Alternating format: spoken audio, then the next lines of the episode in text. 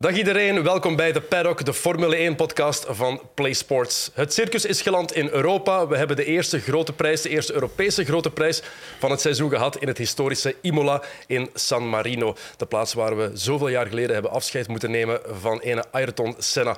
En waar ze nu dus terug aan het rijden zijn. De tweede grote prijs van Emilia-Romagna ooit. En alle ogen waren gericht op de rode wagens van Ferrari. Het moest een succes worden, dat werd het niet. Wel altijd dus een succes, dat is de man naast mij. Sam de Jonge. Dag Sam. Hey, Hoe gaat het? goedemiddag. Goed. Ik vond wel de vorige naam eh, van die Grand Prix beter. Toen was het de Grand Prix van San Marino. Eh, en ja, op een van de redenen vond ik dat toen gewoon eh, mooier klinken. Dat was toen interessanter. Ja. Oké, wat, vond jij- Zoiets. wat vond jij van de grote prijs van Emilia-Romagna? Ehm, gezien het circuit, eh, waar je toch niet zo gemakkelijk voorbij kan. eh, het is echt een oldschool circuit, dus nog redelijk smal. Hè. Tegenwoordig zitten we met hele grote, zware auto's. En vond ik het eigenlijk nog wel best goed. Dus eh, misschien mede door het sprintformat eh, werd het eigenlijk wel interessant. En het weer heeft er ook wel mee gespeeld, denk ik. Oké, we gaan er straks meer over praten. ehm, maar voor we dat gaan doen, wie heb je deze week meegebracht? Ehm, een zeer eh, begenadigd ingenieur ehm, dat, die bij een eh, Belgisch topteam eh, werkt. Ik heb zelf eigenlijk nog niet echt met hem samengewerkt, denk ik, eh, in de race, maar we kennen elkaar al langer. En ook de persoon die mij waarschijnlijk het meeste WhatsAppt tijdens de Formule 1-wedstrijden. Dus ik dacht van, ik ga hem eens eh, mee naar hier nemen. Eh, ik pik ook wel een aantal tips van hem tijdens die, tijdens die sms'en. Dus ehm, ja, daarmee... Hij vraagt mij meestal tijdens de weekends hem aan te spreken als Win. Maar eh, het is vandaag maandag, dus het is gewoon Wim. Wim Everaerts, welkom. Dank u, dank u. Dag Wim. Eh, de mensen die jou niet kennen, leg eens uit. Wat doe jij allemaal precies op dit moment? Ehm, op het moment ben ik eh, chief engineer bij WRT.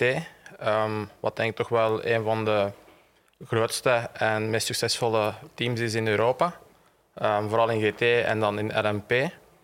Ehm, en ja, ik werk daar constant, fulltime. Vooral in, eh, ik in GT dan. En dan voor LMP doe ik dan Le Mans, de 24 uur strategie. Oké, ehm, GT, voor de mensen die alleen Formule 1 volgen. Vergelijk dat eens qua niveau. Als Ehm. Formule 1 de Champions League is, zoals in het voetbal, wat is GT dan? Ik denk dat in autosport dat dat heel moeilijk is om daar onderscheid op te maken. Dat is gewoon een, een andere categorie. Ehm, je hebt bijvoorbeeld WRC, Formule 1, je hebt GT. Ik denk het niveau is bijna hetzelfde. Misschien andere budgetten, maar toch alles zit heel kort bij elkaar. Ik denk dat dat een heel andere manier is van hoe daar naar te kijken dan bijvoorbeeld voetbal of tennis, waar je echt categorieën hebt. En bij motorsport heb je gewoon de visies van, van Ja. de sporttak. Oké, eh, je bent ingenieur Ja, zonder diploma. ja, inderdaad. Hoe doe je Ehm, dat? Hoe word je ingenieur bij een professioneel autosportteam zonder diploma? Ja, dat is eigenlijk een heel lang verhaal. Beetje zoals jij, Dennis. Geen uren kunt aan besteden, maar in het kort uitgelegd. Ik ben heel gepassioneerd. Ehm, ik ben begonnen bij mijn onkel in de garage een klein raceteam. Mee gaan banden poetsen en zo eigenlijk opgeklommen naar eh mechanieker, hoofdmechanieker. En dan toch op een gegeven moment heeft iemand gezegd van, ja, maar je kent daar dan zoveel van, waarom doe je dat niet? En ik was er echt wel bang voor, maar dan ben ik toch in die, in die rol gestapt en de resultaten spraken toen voor zich. En ja, gewoon aldoende leert men vooral. Het is ook een job dat je niet kunt leren. Je hebt wel een paar scholen voor dat te leren, maar je moet het vooral doen. En aldoende leert men die job. Dat is eigenlijk een beetje zoals een diploma journalistiek. Kan wel. Ja, je, je, moet, je moet het ook doen voordat je het effectief kan, kan leren, voor je het effectief kan. Dus eigenlijk is jouw raad aan jonge gasten, als je ingenieur wil worden, dat diploma, overrated, Nee, het- overschat. Het is belangrijk, omdat soms voel ik wel dat ik dat mis. En dan moet ik ook harder werken dan anderen voor dat te doen. Maar dat helpt misschien ook Dat is het net. positief Ja. zo. Ja, dat helpt. Het is zoektocht misschien. Ja, het is vooral, ik denk dat het vooral in, in, in autosport is nog altijd een instinct en een buikgevoel ook heel belangrijk. Ja. Ik heb met ingenieurs samengewerkt dat de slimste mensen zijn dat je kunt bedenken, maar die hebben dan geen buikgevoel of die zien de koers niet en die maken totaal de verkeerde beslissingen. Dus het is eigenlijk geven en nemen. En, en koers is heel hard op het moment zelf de juiste beslissing nemen. En als je dat niet kunt, dan zul je nooit niet aan de top geraken. Dat is Ja. moeilijk. Zeg maar. Ja, je hebt, je hebt eigenlijk heel weinig, denk ik, eh, vergelijkbare omstandigheden. Hè? En Je kan zeggen, het is, het, is, het is deze dag, het is droog, eh, de zon schijnt, eh, het zijn die temperaturen. En alsnog zal de, de, de output of de outcome totaal anders zijn. Ja, ik, heb altijd gezegd van, vooral nu als ik dan andere ingenieurs moet begeleiden die opkomen en zo, ik zeg altijd, als je een beslissing neemt en ik vraag u, waarom heb je die beslissing genomen? Als je direct kunt antwoorden voor die reden, heb je de juiste genomen. Ook al was het verkeerd achteraf, Op dat moment moet je weten waarom dat je die beslissing neemt. En dan is het een goede beslissing. Mhm. Want je kunt nooit niet zeggen van is dit nu goed of niet binnen, binnen 10 of 12 rondes. Mhm. Dus je moet weten waarom dat je een beslissing neemt. En dat is heel belangrijk. Heb je momenten van twijfels gehad toen je die stap echt hebt gezet naar het ingenieur worden? Omdat je die, die, die basis tussen aanhalingstekens dan misschien minder had? Tuurlijk, dat, dat was, op dat moment was dat een, een serieuze stap. Maar ik heb wel... eh, Jeffrey van Hooydonk heeft me dat toen gevraagd. En die geloofde echt in mij en de mensen in dat team ook. En ja, die hebben mij wel gemotiveerd. En dan heb ik ook eh, met KRK Racing, het team van Koen en Chris Wouters toen, ben ik daarop meegestapt en me die, die kans ook gegeven. Ik heb natuurlijk dag en nacht toen gewerkt voor die kans te grijpen. Mhm. En dan is ook genomen. Want dat is niet onbelangrijk, denk ik, wat je zegt daar. Hè? Ja. Ehm, als je dan het wil maken, dan moet je effectief bijna 24-7 ermee bezig zijn. Ja, maar zelfs nu nog. eh, autosport is... Veel mensen denken op dat weekend zelf is dat heel hard werken. Maar zoals voor, de voor- voorbije twee jaar, ondanks door COVID, we hebben dan drie maanden stilgelegen. Dan hebben we beginnen te koersen. We hebben al onze koersen moeten doen op zes maanden. Tja. Ik ben toen thuisgekomen de week voor kerstmis en ik ben de week na nieuwjaar terug vertrokken, want 2021 was dan ook direct daar. Dus we hebben echt anderhalf jaar non-stop gewerkt. En, en Zeer intens. eh, ja. de piloten in die zin hebben eigenlijk de luxe job om in te stappen en dan allee, te vertellen hoe, het, hoe, hoe de auto aanvoelt, maar, maar al het echte denk, denk, denkwerk, dat is, ja, dat is voor jullie. Hè? ja, het team en zowel de ingenieurs als de bandenman, die worden dikwijls vergeten. Maar de mechaniekers, dat is eh, dag en nacht werken voor intens. iedereen. Dus eigenlijk echt rijder zijn, piloot zijn, is de minst zware job van allemaal als we kijken naar de uren die erin gestoken worden. Of is dat Zo'n beetje de presentator van de redactie. Ja, maar het is de, de piloot, op het moment dat hij in de auto zit, is dat ook zwaar. Dus dat is, die prestatiedruk is enorm. Dat compenseert dan. Ja, ehm, en, en bij het team is het vooral voor en na. Maar eens dat de piloot op circuit is, oké, als ingenieur kunnen wij beslissingen nemen, strategie. Ja. Maar hij moet dat doen en dan ligt het in zijn handen. Dan kunnen wij niks meer doen. Dus het is ieder op zijn moment dat, dat heel belangrijk is in, in die ketting van, van team zijn. Mhm. Ehm, maar ja, je zei het al, je bent meteen na nieuwjaar toen vertrokken, 2021. Je was net terug voor kerst. Ja, je moet veel opofferingen doen in je privéleven Ja. om deze job te willen En doen. Je vooral- moet die echt heel graag doen, vooral. Ja, en vooral de mensen die, waar je mee samenwoont, mijn vriendin of, of familie. Die, die, ik, ja, ik kan me eigenlijk niet herinneren, het laatste familiefeestje.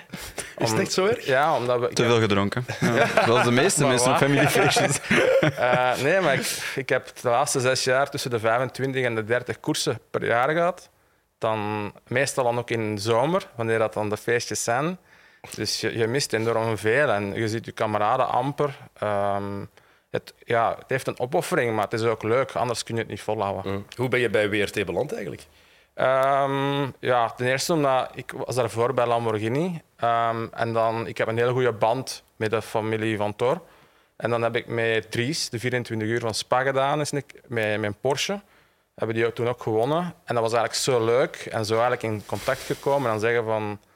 Kom, dan, dan maak ik die switch. Ook omdat toekomstgericht bij mij voor WRT meer kansen lagen dan bij Lamborghini. Ja. Hoe kennen jullie elkaar eigenlijk, Sam? Gewoon door op het, op het circuit? Niet van op de familiefeestjes, duidelijk, want ik was er ook niet. Ehm, nee, ik weet, ik weet het eigenlijk niet goed. Misschien gewoon van op zolder, denk Ja. ik. Ja. We hebben eens één keer geprobeerd om samen te werken. Heb ik geprobeerd om Wim te engageren voor de virtuur van zolder te doen voor ons team. Ja, voor de dat Dish Racing toen. Maar Veel over gepraat geweest, maar niet gebeurd om, om, om bepaalde redenen, maakt niet uit. Ehm, A zeggen en dan gewoon en gewoon compleet negeren. Dat is ja, mooi. inderdaad. Ehm, maar, maar nee, ja. En dan natuurlijk daarna uh, komt elkaar vaak tegen. Ik heb voor WRT ook gereden twee jaar, voor in TCR dan, met Seat. Uh, maar ik denk dat, dat jij er toen nog niet Nee, zat, hè? 2019. Ja, voilà. Dus uh, maar ja, goed. Autosport in België is in die zin uh, klein genoeg om elkaar te kennen. Maar het is wel een ambitie om ooit samen te werken? Of Ja. iets samen te doen? Ja, ik bedoel, in België is het zo klein, vooral Vlaanderen dan, Ja. dat op een gegeven moment iedereen in de Belgische autosport gaat ooit wel eens samenwerken. Ja, en als je met Chris samengewerkt hebt, moet je ook met Sam gaan samengewerkt hebben. Dat is toch het minste dat je kan doen? Dat is toch een grote meneer, Chris. Ik weet niet of ik die zijn schoenen kan vullen, maar ik kan proberen. Hè. Ik kan altijd proberen. Ehm, ja, er is ook één heel, heel grote naam in jullie team. Ja. Eh, de, een van de idolen van Chris Wouters. Hij zei het Ja, klopt. keer nog in, Ja. in de paddock, eh, Valentino Rossi. Werk je daar nou mee samen zelf? Of is dat niet echt Ja. iemand waar jij veel contact mee hebt? Toch wel. ehm en nou, samen... het is toch wel, we sturen toch vaak WhatsAppen voor voorbereiding. Ehm, zelfs samen op de sim, uh, nu voor Brian Setch voor te bereiden. Um, dus, ze hebben een ingenieur op zijn auto, maar ik sta daar dan daarboven. Um, en er wordt toch in de debriefs en hoe dat er wordt gereden of welke oplossingen, wordt toch allemaal vrij bij besproken samen. Hm. maar het is wel, ik moet zeggen, ik heb hem daarvoor nooit echt als held gezien, omdat ik heb nooit MotoGP gevolgd, omdat ik was zo bezig met mijn eigen ding. En toen zei hij, die komt eruit, dacht ik van, ja, oké, okay, Maar ik was wel in Imola onder de indruk van wat dat teweegbracht naast de piste. De mensen rond ons team, mensen die flauw vielen. Is het echt? Uh, mensen die daar van 8 uur s morgens tot 10 uur s'avonds met een zoontje staan te wachten. En je zegt van, hij komt vandaag niet, is, vandaag wordt er niet gereden. Die mensen staan daar te wachten. Maar het is wel handig dan als er mensen flauw vallen, dat de dokter daar dan is. Want die kan ja, maar het is echt... Het ingrijpen. Het is echt maf. Is, ik had nooit niet voorgesteld dat dat zo ging. Dat is mooi wel, hè? Ja. Ik kwam jou vragen, heeft hij evenveel talent op vier wielen als op twee wielen? Maar als je nooit echt MotoGP hebt gevolgd, is het misschien moeilijk om ja, te schatten. Ja, maar wat ik wel zag, de eerste test, is dat hij een enorm gevoel heeft. Uh, en die kan heel goed uitleggen wat er gebeurt. Vooral met, met een taal van... van hij heeft enorm gevoel voor de auto. Ja. Daar was ik wel van onder de indruk. En ik denk dat we, veel mensen verwachten nu van, ah, gaat direct meegaan. En, maar je moet één ding niet vergeten, hij is al 43 jaar. En een tweede, eh, dat kost tijd. Het komt niet, je kunt niet verwachten dat hij vanaf vandaag direct gaat meegaan met die toppers. En ik denk dat we het dan wel goed begeleiden. Heeft ook heel goed begeleiding met Nico en Fred op zijn wagen. Ik denk dat juist de mensen rond hem. Ja. En ik denk dat we het gewoon moeten tijd geven, eh, een, een, jaar leren en dan de volgende jaren zal dan wel, wel serieus groeien. Je ziet dan nu al hoe dat dan groeit mhm. en dat gaat er nog wel eens uitkomen. Kan jij dat inschatten, Sam? Ja, ik, heb, ik heb hem natuurlijk nog niet echt bezig gezien van dichtbij, maar ik kan wel mij inbeelden, toch ook misschien wel een beetje van met Tom Bonen te werken, van te weten dat ja, dat zijn topsporters die op het hoogste niveau een bepaalde sport hebben gedaan. Bij Valentino Rossi leunt dat nog veel dichter bij racen aan, met auto's dan. Dus ja, ik kan mij perfect inbeelden dat als iemand kiest om dat na zijn carrière te gaan doen, dat hij dat ook met volle overgave doet. Dat is iemand dat dat niet half doet. Dus uh, als je het volledig doet, dan heb je veel kans, denk ik, om met zo'n talent te slagen. Dus ja, ik, uh, ja er zit wel toekomst in. Hè. Okay, uh, Formule 1 dan. Um, veel te bespreken, maar er was ook wat nieuws de afgelopen twee weken. Onder andere dat Audi waarschijnlijk in de Formule 1 gaat stappen. Waarschijnlijk, want het is nog altijd heel koffiedik kijken. Gaat dat gebeuren, ja of nee? Ja, dat heeft een impact, denk ik, uh, ook op de situatie van, van, van Wim. Hè? Daarom? Ja, ik denk dat er heel veel wordt gezegd. Er zijn heel veel geruchten. Waar ook is, is vuur. Uh, en ik denk dat iedereen moet gewoon nu afwachten wat dat hm. laatste uh, nieuws gaat zijn en, en, wat er gaat gebeuren. Ik hoor heel veel in de wandelgangen. Um, dan dit, dan dat. En ik denk dat hm. er gewoon een paar mensen bij Volkswagen zelf weten wat er gaat gebeuren. En ik denk dat dat heel streng wordt bewaakt, dat niemand dat weet voor het echt ja. beslist. Ja, want om even te kaderen, normaal gezien hè, ging Audi volgend jaar terug naar Le Mans, of dit jaar al? Uh, dit jaar testen, volgend, volgend jaar echt deelnemen. Dat is, die plannen die zijn uh, gecanceld. Hè. dat ging normaal gezien on hold gezet. On hold gezet dus, maar dat ging met WRT zijn. Hè. Daar gingen jullie bij betrokken zijn. Dus ja, er zal dan toch wel er zal dan toch wel een reden zijn misschien om, om, om, allez, om dat te cancelen en te kijken naar Formule 1. Waarom zou Audi het wel of niet moeten doen, in jullie ogen? Ik weet niet wat jij mag zeggen natuurlijk. Wel, uiteindelijk, ik denk, ik mag zeggen wat, wat ik weet. En ik denk, puur marketinggericht is misschien op dit moment Formule 1 beter dan Le Mans als merk. Um, ik denk dat ze in Le Mans hebben ze bewezen, kunnen ze eigenlijk enkel maar verliezen, want ze hebben daar hun, hun verleden wat eigenlijk onklopbaar gaat zijn. Ja. Dus ik denk dat Formule 1 een, een, een marketinggewijs... Aantrekkelijker. Ja, ja, een goede keuze is voor hun. Ja. Hetzelfde voor Porsche. Dat... Ja. Ja, want je zou kunnen zeggen, ja, ze gaan niet allemaal, want Porsche zit daar toch en ze zitten daar allemaal in merk. Maar Porsche gaat waarschijnlijk ook in de Formule 1 een rol spelen, dus daar komen ze elkaar dan terug tegen. Zou het een meerwaarde zijn, denk je, als Audi en Porsche allebei in uh, Formule 1 terechtkomen? ik denk vooral dat, eh, wat ik er al over gehoord en gelezen heb, het zijn natuurlijk twee aparte bedrijven, dus ze hebben zelf beslissingsrecht, om het zo te zeggen. En Porsche zou eerder gaan deelnemen als, als motorbouwer of toch een onderdeel ervan zijn. Hè. Dus ze worden gelinkt aan Red Bull uh, Technologies. En, en Audi zou eerder willen instappen echt als team, uh, als, als entry. Dus dat is iets helemaal anders, ook qua marketing en wat je ermee doet. Dus het is een andere manier en in die zin storen ze elkaar misschien niet. Een meerwaarde, ja, ik denk dat sowieso als grootste, grote constructeurs deelnemen, dat dat goed is voor de Formule 1 Als naam alleen al. hè. als naam. Wat volgens mij niet goed is, en dat hebben we dat bij Renault ook gezien in het verleden, is als ze dan twee jaar later, als het dan toch misschien de hype toch niet zo lang duurt hè, van de Formule 1, dan terug weg zijn. Allee, ik vind dat soms raar bij zo'n megabedrijven dat je zo'n beslissing dan zet puur op het moment. Terwijl je zou denken dat dat een, long-term strategy is, maar blijkbaar kan dat eh, snel veranderen. Ja, en ik denk ook als Porsche en Audi erin gaan, verwachten mensen direct dat ze van voor gaan en à la Ferrari. En, en wat bijvoorbeeld bij Alpine of Toyota in de tijd, of noem maar zelfs BMW, dat dat misschien minder werd verwacht. Ik denk dat nu als Porsche vooral die naam komt, dat mensen verwachten van dat, dat wordt hier iets, iets bijzonders. Kan dat, denk je? Dat ze meteen voor succes zouden zorgen. Een nieuw team. Wel, ik denk dat sowieso, ze gaan er pas instappen op het moment dat de, De reglementen duidelijk zijn. Dus Ja, dan kan dat. 2025, 26, wanneer was het dan? ja. Dus dan kan dat wel. Ah, Je, je hebt nu dit jaar gezien met Mercedes wat er gebeurt. Dus ik bedoel, ik zeg nooit voor, want het kan niet. Maar het zou inderdaad wel, als die twee namen in de Formule 1 komen, daar zit automatisch ongelooflijk veel druk op. Er is heel weinig Ja. ruimte om, om te falen, denk ik.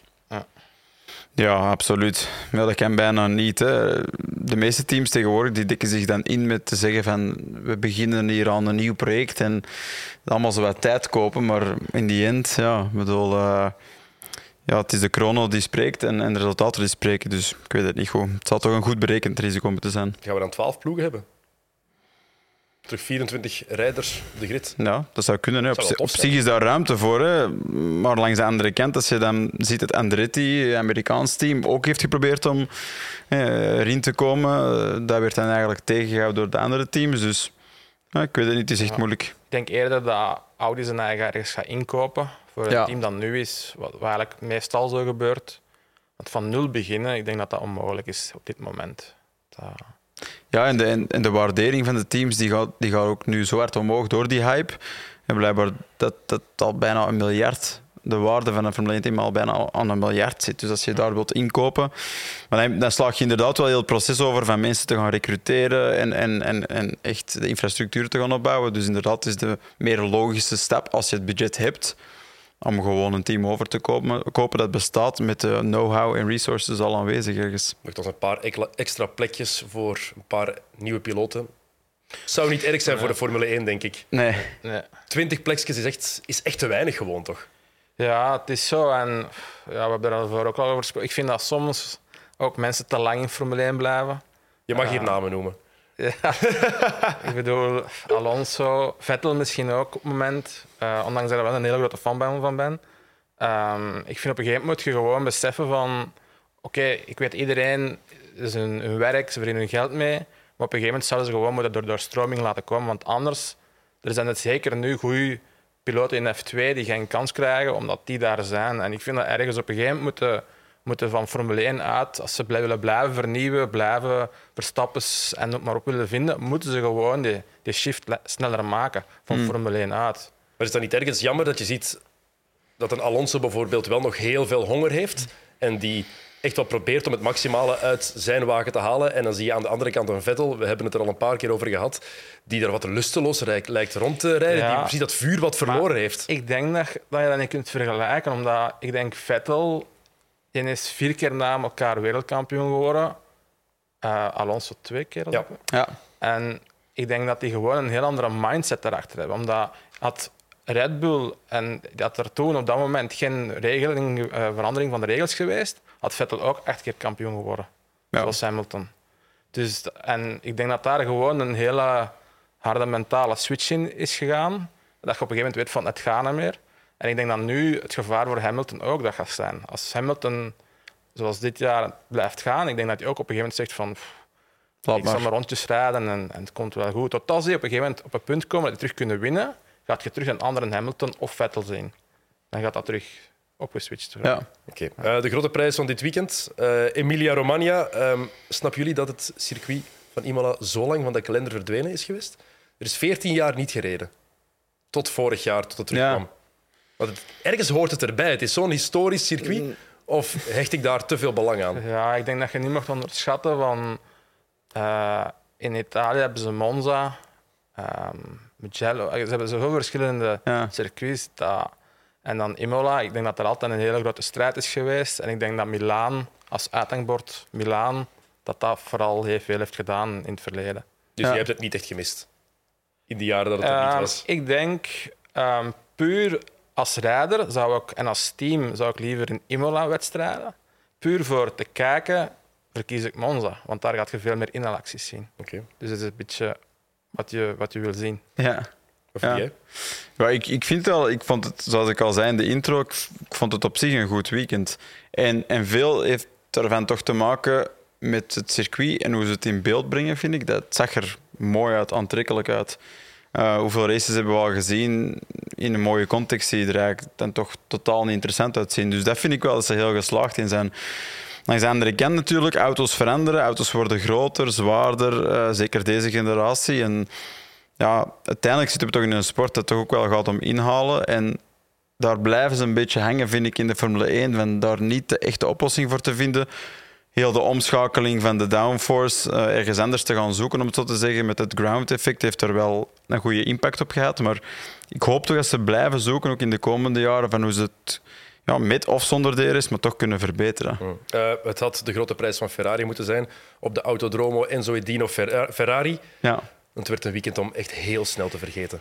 Ja, ik vind het vooral interessant en opvallend van hoe snel het eigenlijk kan draaien. Hè. We waren bijna allemaal, aan het zeggen van hè, het wordt eh, een vlekkeloos parcours en eh, Leclerc eh, die, die wordt gewoon zo wereldkampioen en, en heel moeilijk gaat dat niet zijn. Red Bull die hebben duidelijk betrouwbaarheidsproblemen.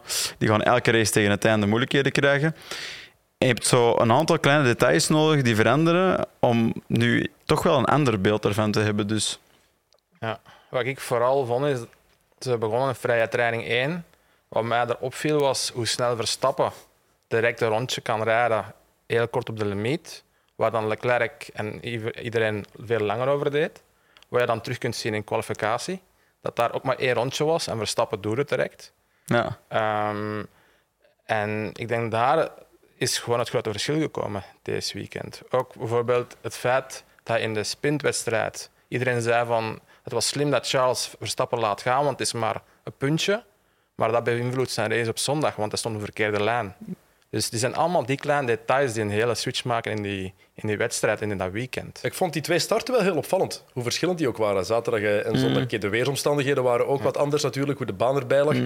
Maar zaterdag hadden we dan Verstappen die een slechte start heeft, eigenlijk, zeker voor zijn doen. En zondag zagen we de twee Ferraris vreselijk wegkomen. Iedereen los van die crash. Ja? ja, iedereen die Ja, rechts, omdat Ik kant denk was. dat daar gewoon minder grip was op dat moment. Ja, ja dat leek inderdaad. En, en, en in het droge moest die linkerkant, wat dan de polepositie was, eigenlijk de beste kant zijn. Maar daar rijden ze eigenlijk niet echt over. hè. Dat dat is eigenlijk de buitenste lijn. Want in het droge zeker ja, snijden ze eigenlijk die bocht op het rechte stuk af. hè, ehm, om, om tijd te winnen en meters te winnen. En dus ligt daar meer grip. En dus raak je er beter weg. Dus we hebben, we hebben eigenlijk het geluk gehad van beide te zien. Ehm, het begon niet goed met die start en dan was er opnieuw miserie voor Carlos Sainz. Die mens moet toch echt zijn kas opvreten, om het even op zijn Vlaams te zeggen, want dat is, was zo frustrerend Ja, zijn. Het was al op vrijdag, hè, kar eh, los eraf. En dan zaterdag was het 23 eigenlijk... minuten 33 Nee. seconden, mooi. Lang op moeten wachten. En de intro, hè? Ja, dat is waar. Twee, twee, excuses. Wat stil of wat? Ehm, nee, ehm, ja, Carlos Sainz. Nu ja, op zaterdag kan hij er, eh, op zondag sorry, kan hij er weinig aan doen. Zaterdag had hij wel een goede race, die sprint.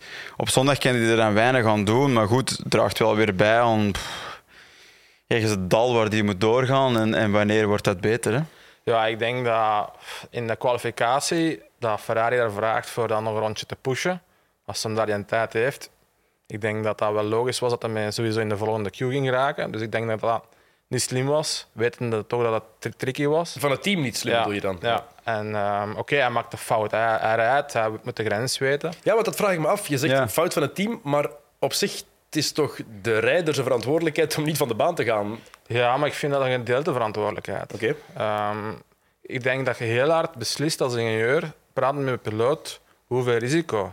Als ze zeggen op dat moment safe, Is niet nodig. het is niet nodig, Ja. en blijft pushen omdat de baan bijvoorbeeld sneller wordt, haalt gewoon die meer grip eruit, maar je moet niet overpushen. Er zijn heel belangrijke manieren hoe dat je communiceert met je piloot. En ik denk dat daar misschien wel Ferrari te gretig was, want op dat moment moest dat niet. En op zondag is gewoon ja, echt ongeluk, allee, pech hebben dat je daar bent. En Mm. ik vind dat hem daar heel weinig verkeerd doet. Ja. En het is heel jammer, want ik denk wel... We hebben al gezien, een paar flitsen. En ik denk dat hem echt wel kan, Mm. kan eh, Leclerc uitdagen. Maar het is pech, maar het zorgt er wel opnieuw meer voor dat hij, dat hij nul punten heeft en dat Ja, Leclerc nog meer de nummer één is. Puur en alleen gewoon omdat Leclerc wel weer punten pakt. Ja, maar dat is typisch autosport. Voor mij autosport zijn... Je hebt wedstrijden waar alles verkeerd loopt. En op een gegeven moment komt dat terug. En zit je, zit je in die goede flow. En zo is dat bij iedereen.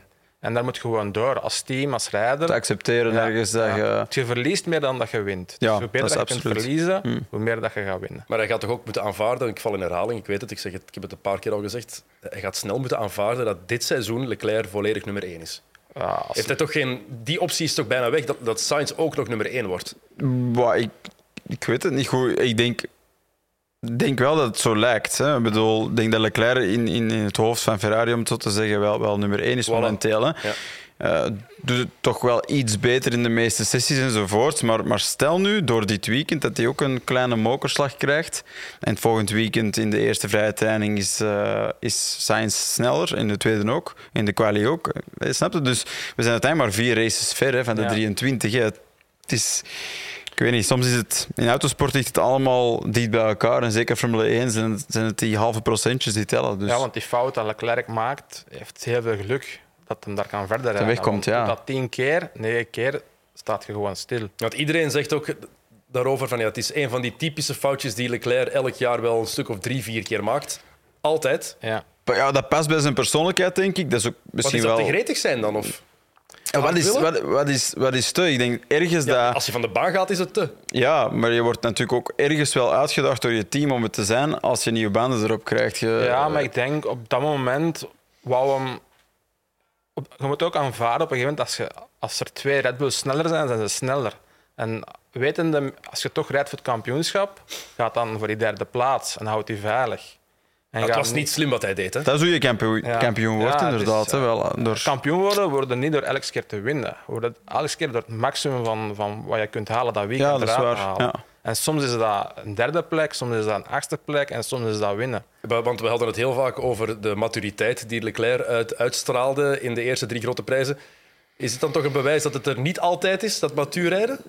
Ehm, ik denk op het moment dat het moeilijk gaat zijn, dat dat nog gaat, gaat voorvallen. Ja, dat, dat is het hè, bij, bij Leclerc. Dat vind ik de afgelopen jaar was dat altijd het geval. Hij is heel goed eigenlijk in de moeilijkste, in de meest performance zone. Hè. Ja. Daar, daar blinkt hij uit.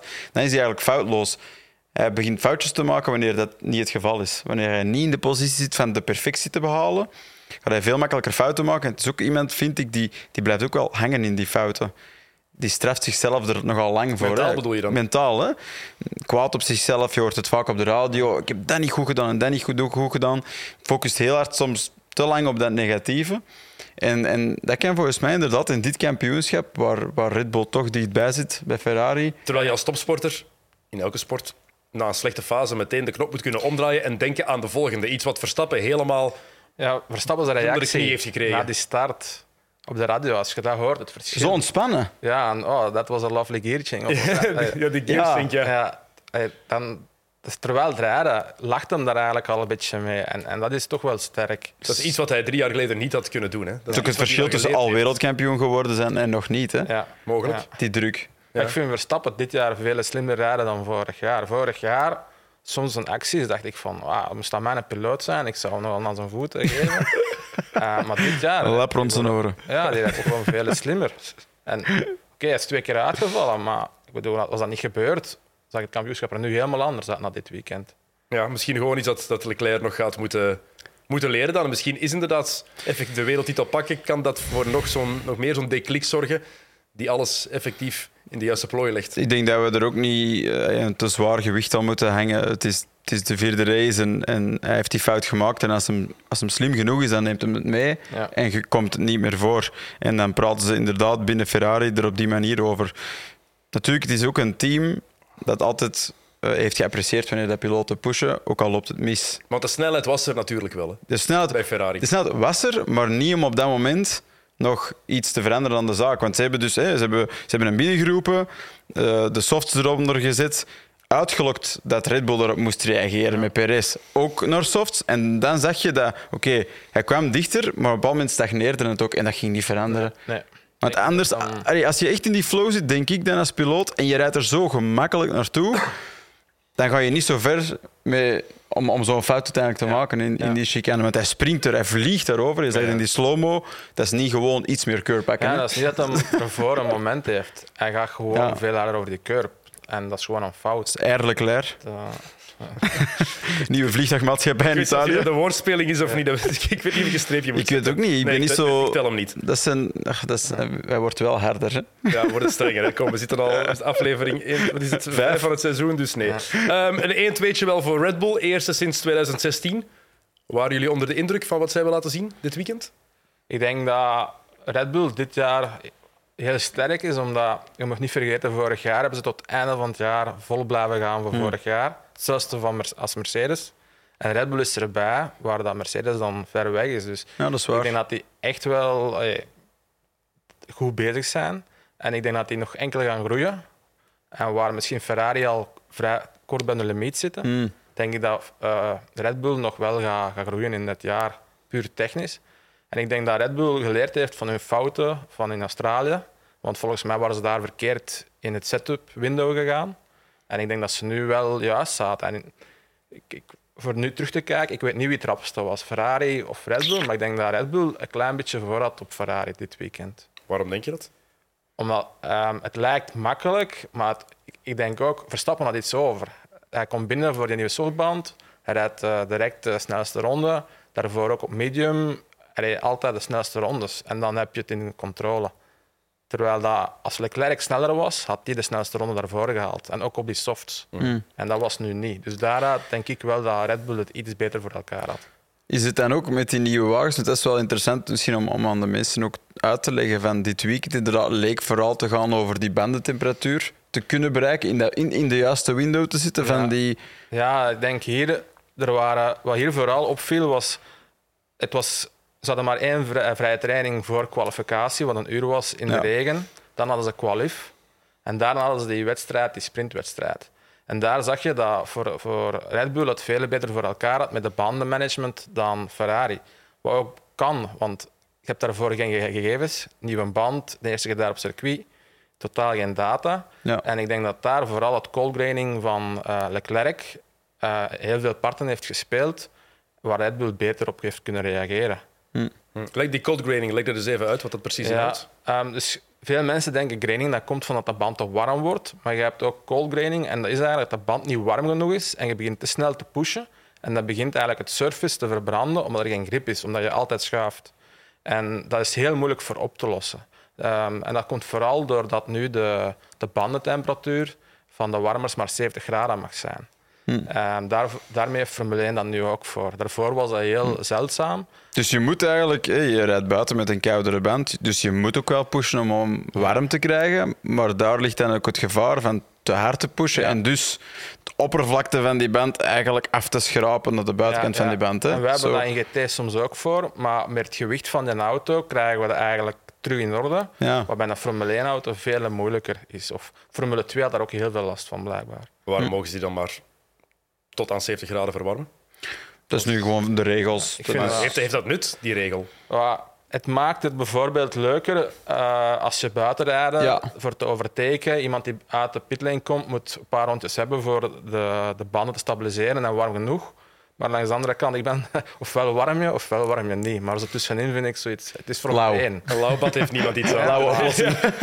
Je kijkt ook, het is Formule 1. Ja. Een flauwe oplossing Ook eigenlijk. al, heel flauw. Ja. Ja, ehm, wel straf dat Max Verstappen ook al op vrijdag zei tegen Stefan Lammers, die eh, voor ons in Imola was, van ja, alle problemen zijn opgelost. En het bleek, als we kijken naar wat er dit weekend is gebeurd, we ba- baseren ons puur daarop, ja, de wagen was nu ineens wel weer betrouwbaar. Dus het kan zo, zo snel kan het gaan. ja, als je weet wat er fout is gegaan, kun je het oplossen. Het probleem is als er iets fout gaat En je weet en je het weet niet. het niet, dan kun je het niet oplossen. Ja, maar we waren er niet van overtuigd dat ze het effectief wisten hè, de voor, bij vorige weken. Ja, maar ik denk dat je dat in Formule 1 nooit gaat weten.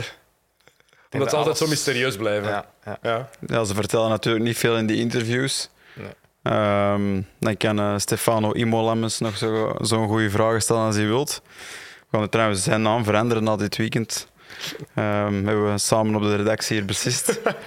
Dus bij deze, Stefano. Heb je, titel, heb je het in het titeltje gezet? Ik mocht niet. Ik heb echt geprobeerd. En we gingen normaal nog een interview met hem krijgen ter plekke na de race. En ik ging hem aanspreken van, ah, ik heb nog een technische vraag. Zo, snap je, zo de serieus al op zijn gezicht van, oei, wat komt er hier? Zo, ja, Stefano Imola. Maar is het goed dat dat je naam is vanaf nu? Maar het is er niet van gekomen, dus ik moest bij deze. Ik zou op mijn honger blijven zitten. oh, mooi. Um, ja, Verstappen, heel matuur gereden, hebben we daar net al gezegd. Nooit in de problemen geraakt. Heel volwassen drive. Maar Perez heeft ook opnieuw gedaan waar hij voor betaald wordt. Hè? Ja, exact. En we zitten daar net van Leclerc, Sainz, uh, eerste, tweede piloot. Bij Perez is dat zo Duidelijk. Duidelijk, overduidelijk. Dat is gewoon de afspraak, denk ik, dat ze hebben binnen Red Bull. En het is ook wel begrijpelijk. Hè? Ik bedoel, pure performance is Verstappen de betere piloot en dat zal altijd zo zijn. Dus goed, ik vind het wel ergens begrijpelijk dat ze inzetten op hem. En, en daar is Perez wel de perfecte hulp in tot nu toe. En ook de nieuwe auto ligt hem veel beter. Die high rake is weg en ik denk dat de auto minder oversturend is in het algemeen. En ik denk dat hij gewoon beter tot zijn recht komt. Bij Perez bedoel je dan? Ja, inderdaad. Ja, want je moet natuurlijk ook wel op de positie rijden om te kunnen doen waar je voor betaald wordt. Albon en Gasly daarvoor die reden nooit op de plek om Verstappen echt te kunnen helpen. Nee, en dat is nu wel het geval, natuurlijk. Ja. Um, hebben we het pijnlijkste moment uit de carrière van Lewis Hamilton gezien? Ik hoop voor hem van wel. Omdat ik vond... Ja. Ik ben nooit de grootste fan geweest van Hamilton, maar ik heb wel enorm veel respect. Het is gewoon de grootste. Met alles wat hem gedaan heeft. Kan iedereen kan voor- of tegenstander zijn, maar de nummers en de feiten spreken voor zich. En als ik hem gisteren zag rijden, had ik echt zoiets van... Ik zou gewoon stoppen. Ik zou binnenrijden en, en stoppen. Omdat... Wanneer zou je stoppen? Voor of nadat je gedubbeld wordt door Max Verstappen? Ja, ik, ik, weet niet, misschien ervoor al. Uh, als, ik, als ik zag toen naast Alonso hoe hard dat die auto was aan het bouncen, dat, hey, ik kan, ja, het moet heel frustrerend zijn als je acht of negen jaar rijdt voor elke keer te winnen. En nu heb je gewoon dat gevoel kwijt. En hij is geen mindere piloot dan vorig jaar. Het is gewoon een auto die, die niet werkt. Ik vind dat heel erg om naar te kijken. Ja.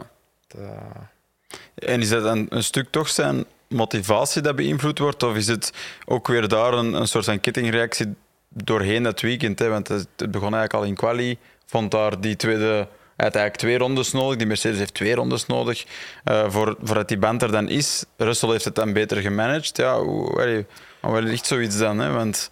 Ik denk dat op het moment gewoon het, het, het mentaal, misschien, ook, ook al gaat hem dat niet laten merken of zo, maar ik denk dat ja, Russell komt daaraan in die omgeving, hij moet zijn eigen bewijzen. Hongerig. Hamilton, het is van... En we mogen niet vergeten dat hij vorig jaar de kans voor geschiedenis geschreven heeft, is eigenlijk...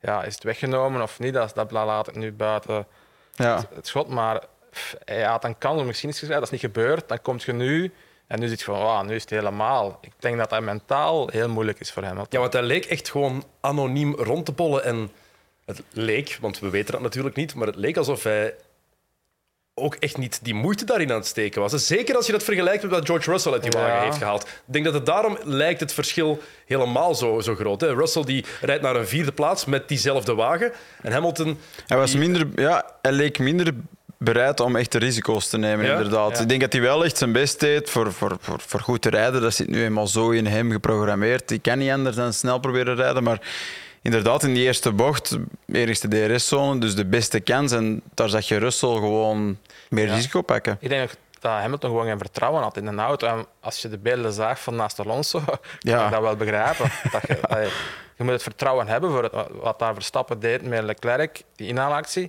Dat is vertrouwen. Maar hoe komt het dat Russell dat dan wel heeft? Ja, ik denk dat dat vooral mentaal is. Ik denk dat heel veel mensen onderschatten hoe hard koersen mentaal is. Hmm. Eh, ik zeg het altijd, 50% van engineering is de auto en 50% is hoe je het hoofd van je piloot krijgt.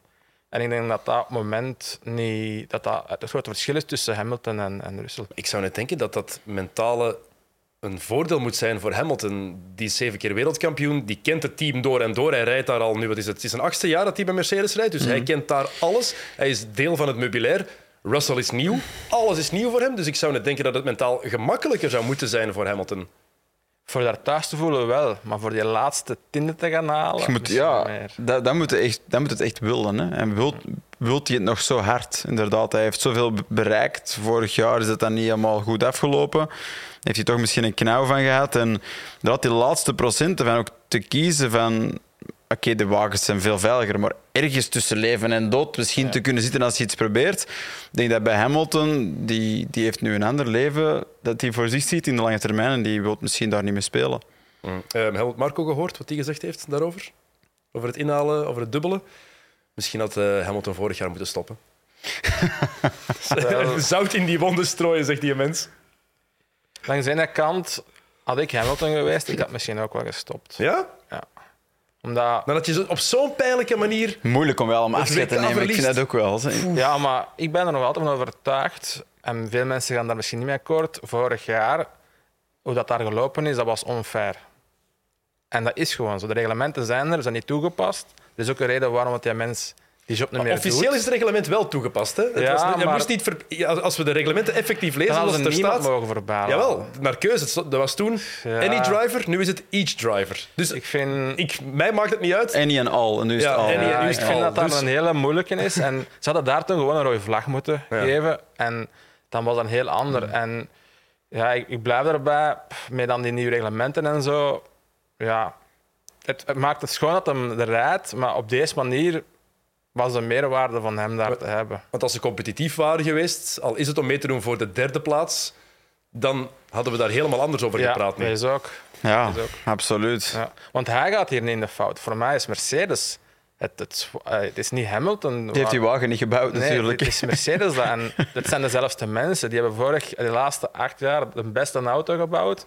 En nu zijn die volledig de mist ingegaan. En dat, ik denk, misschien ben ik mis, dat gaat dit jaar niet meer goed komen. Die Ja. gaan nu denken aan volgend jaar al. Ja, want het is wel opvallend. Hij zegt zelf, ik ben, doe niet meer mee voor de wereldtitel. En dat is ook duidelijk inderdaad. Ja. Ja. En Maar ook Toto Wolff die zegt van, ja, sorry Lewis, ik weet deze auto is niet te, niet te besturen, niet te rijden. Ja. Ja. Maar dan vraag ik me echt af, hoe doet George Russell dat? Die rijdt ermee naar die vierde plaats met een wagen die blijkbaar undrivable is volgens de grote baas. Of is daar zo'n groot verschil tussen die wagens van, van Russell en Hamilton, dat wij niet weten? Ik heb het gevoel, bij, bij, bij Russell is het een, een beetje zo under the radar, zo weet je. Je hebt zo bijna niet echt door dat hij vierde is en dan we zien het in de resultaten. We zeggen, oh my, hoe, hoe komt hij Maar daar? je Dus komt ook van een ander team. En ik denk, als, je- als je gewoon bent van met top, dat- te rijden, ja. en dan zwakt dat af. het is moeilijker, hè? En, en Russell gaat waarschijnlijk tegenover vorig jaar wel een betere auto hebben. Dus die kan dat. Dat is Ja. duidelijk. Ja, maar dat is, ik denk dat dat, en dat is een heel groot verschil tussen de twee en, en moeilijk te vergelijken. Maar ik denk nu ook dat we, dat we zien hoe goed dat Russell is. Mhm. Eh, en ik denk dat, dat daar, daarvoor hebben we ook al wel een paar dingen van gezien. Maar Hij nu- bevestigt de vermoedens wel Ja. dat hij, zo, Ja. dat hij echt zo getalenteerd Ja. is. Eh, wanneer gaan we dat stuiteren eigenlijk zien minderen, purposing? Want het wordt precies niet. erger gewoon. Ik denk niet dat dat snel weg gaat gaan. Omdat ik denk dat dat gewoon... Het hoort erbij bij deze auto's. En ik denk dat de teams gewoon moeten kiezen hoe dat ze de wagen afstellen, dat we het meer en, of, of minder gaan zien. En bijvoorbeeld het grote verschil in Australië, Red Bull leek heel goed door de bocht te gaan. Ze hadden er geen last van, maar ze reden ook trager dan Ferrari. En ik denk dat dat met deze auto's niet gaat weggaan. Ik denk dat dat voor de rest van het seizoen gaat, gaat blijven. Oké. Eh, waar ze wel alles op orde lijken te hebben, tenminste alle remonten hebben ingezet, dat is bij McLaren. Dat is nog maar eens het bewijs hoe snel het kan keren. Lando Norris die pakt een podiumplek. Ik weet niet of dat Zack Brown nu een nieuwe tatoeage moet pakken. Ik weet het ook Die niet. gaat straks volstaan met allemaal circuits uit Italië.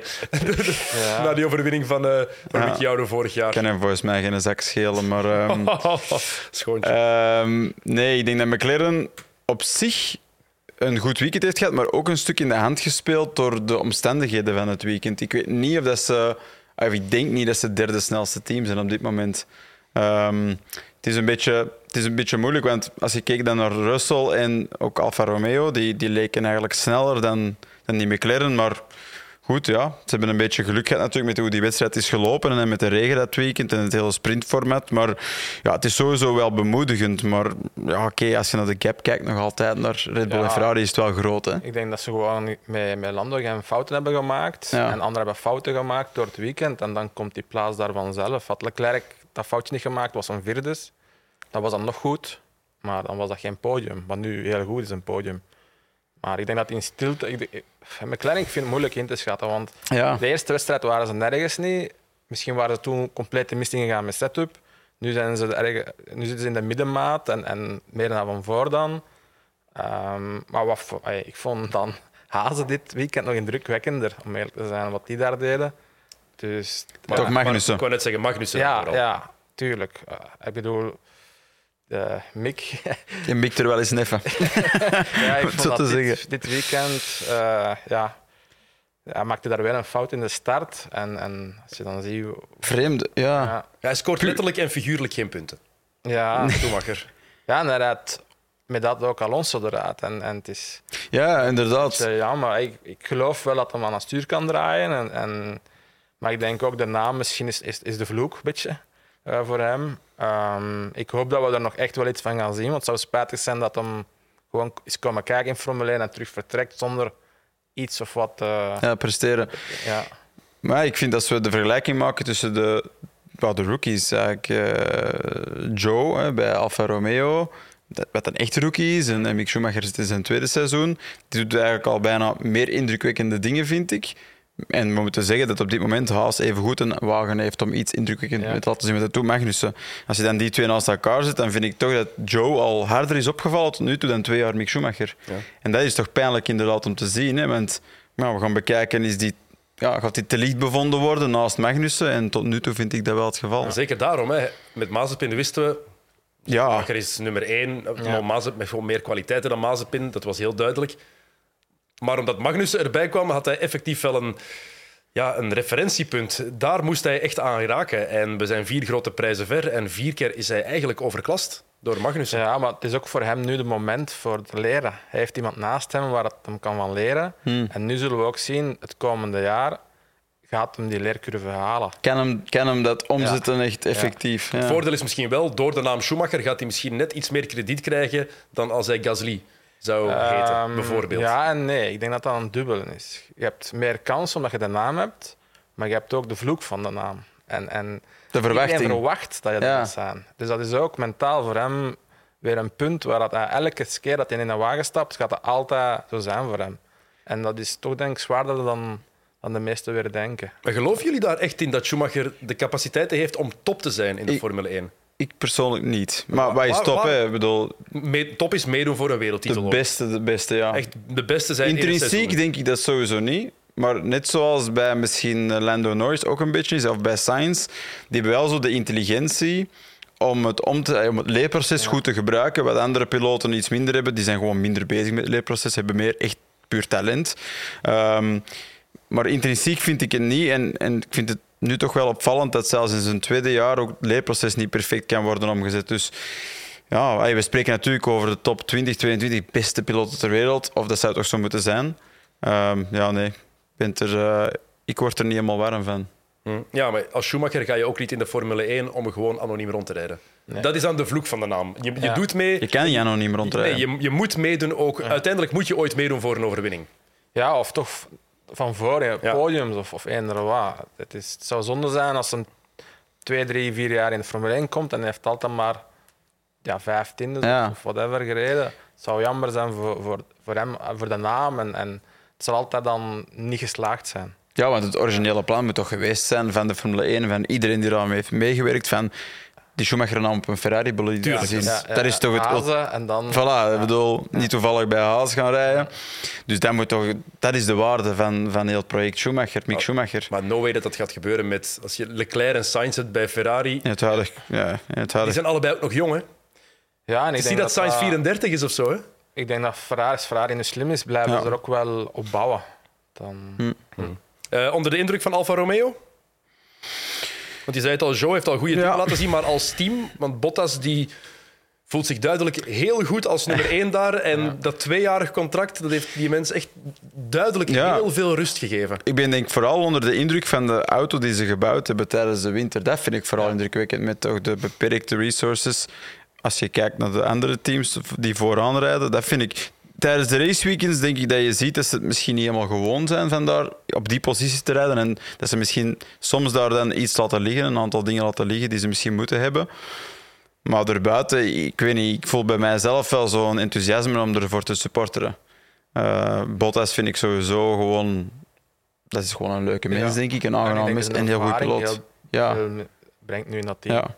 Ja, en hij, hij, hij kan dat ook echt omzetten. Hè. Hij heeft zich echt zo die rol aangemeten en hij doet het ook dus. En Ja. Joe, je zei het al, goede dingen laten zien al. Er was veel over te doen. Piastri krijgt geen kans, maar Joe dan wel. Want eerste Chinees ooit in de Formule 1, dat is commercieel interessant. Maar die bewijst ook wel dat hij aan een stuur kan draaien.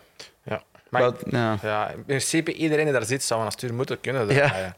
Mazepin heeft er ook gereden. hè? Ja, in principe. Zeg, Die kon heel goed draaien, maar gewoon te veel. Het ja, ja, Naar de verkeerde kant. Ja, beetje te agressief. is gewoon, je moet soms rechts zitten ook, dus die bleef altijd links of rechts. Dus ja, dan spin je. Eh, we hebben het eerste sprintrace weekend van het jaar gehad. Een klein beetje veranderd. Hè. In plaats van vorig jaar 3, 2, 1 punten. Op de zaterdag nu kan je 8 punten winnen als je wint. Ehm, heeft het nu effectief iets meer opgeleverd, dit concept? Dit, als we puur kijken naar dit weekend. Ah, ik denk dat dit weekend... Ik ga vond niet aan jou wel vragen. Sam, trouwens. want Jij hebt dat antwoord al heel vaak gegeven. Maar ik ben Ja. Ik daar, langs de ene kant ben ik daar een beetje... eh, ja, ik ben daar niet echt voor of niet echt tegen. Ik denk dit weekend was leuk om te zien. eh, omdat je zag dan dat bijvoorbeeld Ferrari het nieuwe podium had voor de sprintwedstrijd. En dan wat er gebeurt zaterdag heeft zo'n grote invloed op die start van zondag. Waar iedereen dan denkt van ah, het is maar een puntje en het is nog altijd een startrij. Maar uiteindelijk is dat totaal niet zo. Dus ik denk wel op, ik denk dat het echt heel afhankelijk is van het circuit. Ehm, en wat er gebeurt, vooral daarvoor, voor, eh, dat dat interessant is of niet. Maar dat is wat jij ook altijd zegt, Sam. Jij vindt het vooral interessant dat er maar één training is op vrijdag en dat dan Park Vermee wordt. Ja, dat vind ik dat het de grootste Ja. impact heeft. Ja. Want je ziet gewoon, in die afgemeten wereld dat Formule 1 is, het is soms te perfect. En, en, en als rijder en als team wil je altijd meer rijtijd. Hè. Ik bedoel, voor hen zal het lijken of het niet genoeg is, maar voor de kijker thuis is het, is het soms al gewoon te perfect als die race op zondag begint. Iedereen weet al perfect wat ze gaan doen. En als er geen crashes gebeuren of de wagen gaat niet stuk, kan je bijna dat benaderen. Of toch, allee, of toch zo goed mogelijk. Dus ik weet niet, ja, ik vind het leuk dat dat, dat dat in de mix gegooid wordt. Van, ja, kijk, je hebt één vrije training, Pats, dat is de setup. Ja, en ik denk ook dit jaar is dat nog meer eh, mooier om te zien, om, omdat er beperkte data is. De banden zijn nieuw, de auto's Alles is zijn nieuw. nieuw. Ja. Dus daarmee is dat nu zo, zo, zo leuk. Het volgend jaar gaat dat weer anders zijn. Ze komen, ze hebben data. Ja. Dus dat is natuurlijk veel makkelijker. Dit jaar is voor iedereen alles nieuw. En dat zorgt dan voor verrassingen in die wedstrijden, in die sprintwedstrijden. Eh, we hebben het daar net al even over die graining gehad. Eh past mooi in het blokje lekentaal eigenlijk. Ehm, maar we zagen dit weekend, ja, we hebben op slick zien rijden, we hebben ze op regenbanden zien rijden. Maar we hebben ook nog eens heel duidelijk gezien dat een witte lijn raken not done is als er ook maar een klein beetje water op ligt, zelfs niet met nat weerbanden. Hoe kan het dat dat zelfs niet met speciale banden voor nat weer, dat je zelfs die, die witte lijn komt, als je Ja. nog maar een klein beetje daarop rijdt, dan is het eigenlijk Het is al bijna fataal. daar dat stuk van het circuit. Maar Ja. het is ook, je komt daar naar beneden en dat is een heel moeilijke sectie. En op die verf is gewoon geen grip. Op die groene verf is nog een beetje grip, maar die witte verf is zo glad. Ehm, zoals je met een fiets zou overrijden, is de kans dat je valt vrij groot. En het is, daar, het, is een, het is een heel moeilijke sectie, ook met de GT. En je moet daar ver open gaan om die bocht goed aan te nemen. En bij het minste dat, dat, je, dat je eraan komt, en al is het maar een paar centimeter op die witte lijn, al die druk komt op die band en die geeft op. Dat vind ik heel straf inderdaad. Een paar centimeter op die witte lijn en het is al foutu. Ja, ja het is raar, maar het is... Ja, ik denk dat, omdat je natuurlijk op de limiet rijdt van wat er kan. En die, die limiet, ja, die, die is maar, hoe moet je dat uitleggen? De window van de limiet is natuurlijk heel smal. Ja. Dus als, als je natuurlijk wat trager zou rijden, is het effect van die witte lijn ook niet zo groot. Maar aangezien dat je alles eruit haalt om die bocht te kunnen nemen tegen die snelheid, je zit al tegen het einde van wat er kan. Ja, dan moet alles perfect zijn om dat te doen werken. Hè? Absoluut. Oké, goed. Eh, volgende grote prijs is die van Miami. Opnieuw een primeur. De eerste van het jaar in de VS. Ja.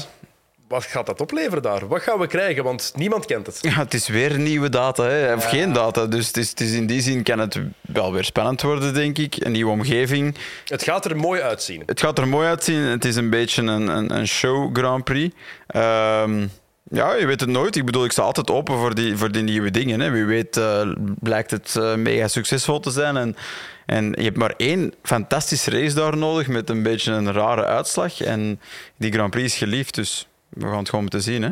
Ja, ik denk ook dat dat daar ook gekomen is door Netflix en noem maar op. Ehm, het andere circuit in Amerika vind ik heel schoon om te zien, vooral uitdagend. Dus ik hoop dat dit ook zo gaat zijn. En het belangrijkste is dat er goede wedstrijden kunnen komen en, en Ja. acties. Het ziet er een heel snel circuit uit, wel opnieuw. Ja. Twee lange rechte stukken.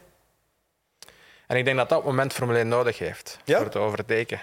Ja, zo daarvoor. Denk ik. Ik denk dat je dat nodig hebt op het moment, eh, zolang dat ze met die DRS blijven en niks gaan doen met de motormanagement voor het overteken, gaan ze het van die eh, lange circuits, eh, lange rechtstukken nodig hebben voor actie en, en, en overteken. Ja, die DRS is ook wel nodig. Dat hebben we dit weekend nogmaals gezien. Ondanks de nieuwe reglementen en de nieuwe wagens. Ja. Zoals die DRS, die is zo lang niet toegestaan geweest dit weekend. Dan zagen we nog altijd dat inhalen toch een groot probleem is. Ja, en, en hier vond ik het in die zin wel leuk dat als er een inhaalmanoeuvre was, was het meestal tegen het einde van het rechte stuk bij de remzone. Dat is voor mij wat DRS Ja. moet zijn. Ja. Het moet niet een middel zijn om gewoon voorbij te gaan en ah, joh, en groetjes thuis. Dat is iets te gemakkelijk. Moet toch op de limiet zijn. Het ge- het geeft je gewoon ergens een extra element van strategie dat je kan inzetten. En dat is misschien ook wel interessant dat ze moeten bekijken van gaan we misschien DRS niet altijd toestaan, maar gewoon x aantal keer of x, x aantal seconden. Ja. Hè, zoals een push-to-pass in IndyCar. Dan creëer je eigenlijk een extra strategisch element waarbij je zegt de piloten en de teams hebben zoveel seconden dat ze dat mogen gebruiken. Jij moet kiezen wanneer je dat wilt. Denk je dat in het begin nodig te hebben tegen het einde, in het midden van de race? Ze kunnen misschien iets op de mensen thuis laten kiezen. De, zoals die fanboost, die De onnozele fanboost. fanboost in Formule I. Misschien het belachelijkste dat er ooit bedacht is. Ja, het is, maar ja, het, het Ja. moet iets doen. hè. Was, was, Ja. jij, was jij er fan van? Van de fan? Eh, ik was een fan. Eh, de Stoffel Van Doornen die was er wel eh redelijk een fan van, want die, die won altijd. Hoe deed hij dat eigenlijk? Komt dat hij dat, dat altijd won? Ik denk dat er een aantal Belgische mensen eh, die, ehm, die dus grote fan zijn van hem, zich erachter hebben gezet om dat waar te maken. En die hebben echt heel veel moeite en tijd erin gestoken. En ook wel eerlijk gezegd indrukwekkend. Want zeker in het begin won die die stem echt, ja... Ja, maar ja, dat is niet meer koersen. Hè. Nee, Dan is nee. zijn, het zijn gimmicks, Oké, maar het wordt, Formule 1 wordt Amerikaanser en Amerikaanser. Ja, dus ik verwacht wel dat er gimmicks gaan komen nog. Hè? Ja, ik hoop van niet, want Ja. anders dan is het vermaak gedaan. Ik vind dat niet meer... Het moet Formule 1 blijven en het moet de sport blijven. En ik vind dat dat belangrijk is ook. We moeten openstaan voor nieuwe dingen. En ik vind zeker, het is goed, want ik, er zijn een paar goede dingen bijgekomen. Maar we moeten, ze moeten wel Formule 1 als Formule 1 als autosport houden. En niet het zien als een whatever eh, game of Ja. noem maar op. Ja, want ook zelfs qua visuals. Als je die wagens ziet rijden met die kadertjes er rond en zo. Ja. Je zou bijna denken in die bocht waar, ja, dat is waar, Mario Kart. waar iedereen eraf spinde in de regen, aqua minerale, dat, dat, dat ze daar met, met bananenschillen gooiden. Zo, Oepsakee, oeh, die heb ik gemist. eh. Ja, het, is, het is wel zo. Maar ik, ik snap ook wel de logica niet waar we allemaal nu naartoe gaan. We komen naar Europa voor één grote prijs, dan gaan we terug naar de VS. Ik vind dat heel on-Formule 1. Dat was altijd redelijk mooi gestructureerd Ja, waar we zeker in deze tijden waar transport toch wel moeilijk is na, na corona. Dus het is wel een logistieke uitdaging voor de teams, zeker en vast. Ik, ik, ik snap dat niet, dat we nu even naar Imola zijn gegaan, dan wij naar Miami, daarna gaan we terug naar Europa. En Het zal een reden hebben, maar er zal zeker niet aan de, aan de teams zijn gedacht. Dus eh, er, is, er wordt ook heel veel over, over gepraat binnen de Formule 1. Ja. Dus het is, het is soms eerder Formule Oneens, oké, hebt Eh. uh, bombshell. moet ik zeggen. Je hebt je record vandaag van woordmopjes wel gebroken. 2, 3, 4, 5, Hmm, ik 6, was- 7, 8. Dat is omdat je mij zo pusht, Dennis. Nee, dat is omdat, ik- dat is omdat, dagen dat is omdat Gert voorbereiding. Vermers, omdat Gert Vermers Ja, weekend heeft mij, overgepakt. ja, mij heeft uitgelokt inderdaad. Op het moment dat ik niet kon praten, dat mijn micro dicht stond. dan, dan, krijgen, dan krijgen we zo'n dingen. Oké, ik wil nog even oproepen om zeker mee te doen aan onze fantasy. Eh, de winnaar van de fantasy op het einde van het seizoen die, eh, kan het spel winnen, het officiële Formule 1 spel winnen. En dat is altijd plezant. Al snap ik nog altijd niet dat die mensen van de Formule 1 dat spel pas, pas uitbrengen na de zomerstop. Ja, Dat is belachelijk. ze wachten denk ik eerst op de liveries en die worden ook minder kleurrijk elke race, want ze zijn de verf er aan het afhalen bij iedereen. Dus Wat, echt, ja, gaat dat echt zo'n verschil maken? Wel, als we spreken over honderdste, wel. Maar als we spreken over tiendes... eh, ik denk bijvoorbeeld als een Haas dat doet, of, of een McLaren die een seconde eraf is, daar gaat die, nee. daar gaat die kilo verf het niet maken. Nee, tuurlijk. Maar, maar bij de McLaren vinden wij het wel beter, hè? ongeacht het gewichtsverlies. Dat is echt zo'n lelijke auto. Echt. Ja, weer al. Ja, het is ja. geen, zeg Elke- geen zak van aan. auto die snel is, is mooi, zeggen ze. Dus. Ja, maar ja. Hij was nu dit weekend was hij snel. Of snel genoeg, toch? Ja. Oké. Wim, dankjewel om tot hier te Ja, komen. Het was heel ja, interessant. Je bent altijd nog eens welkom. Sam, Eh, jou zie ik niet volgend weekend. Nee. Het weekend erna. Gaat dat lukken? Dat zal wel lukken. We zullen wel een manier vinden. We goed. overleven het wel. Eh, over twee weken is er de grote prijs van Miami. Die kan je natuurlijk ook live volgen op Play Sports. Zaterdag de kwalificaties, zondag de race, want het is weer gewoon een klassiek weekend. En ehm, die maandag zijn we opnieuw met de nieuwe paddock te gast. Die eh, zal u dan wel zien wie dat is. Maar het is ongetwijfeld een interessante. Ja, Een interessante. Ik weet niet wie het ons doorgestuurd heeft, maar Ja, iemand op YouTube, ja, denk ik weet ik. de naam niet meer. Maar Veel leuk. Ja, volgende, week, eh, volgende keer shout-out. eh, maar heel tof dat, eh, dat jullie meedenken. Goede woordmopjes mogen altijd nog gedropt worden. Sam kan dat niet goed betekenen als andere mensen betere woordmopjes vinden als hij. Dus Nog beter, ja, of nog slechter. Oké. Oh. dikke merci allebei. Jullie bedankt voor het kijken of voor het luisteren of voor allebei. En heel graag tot de volgende keer. Salut.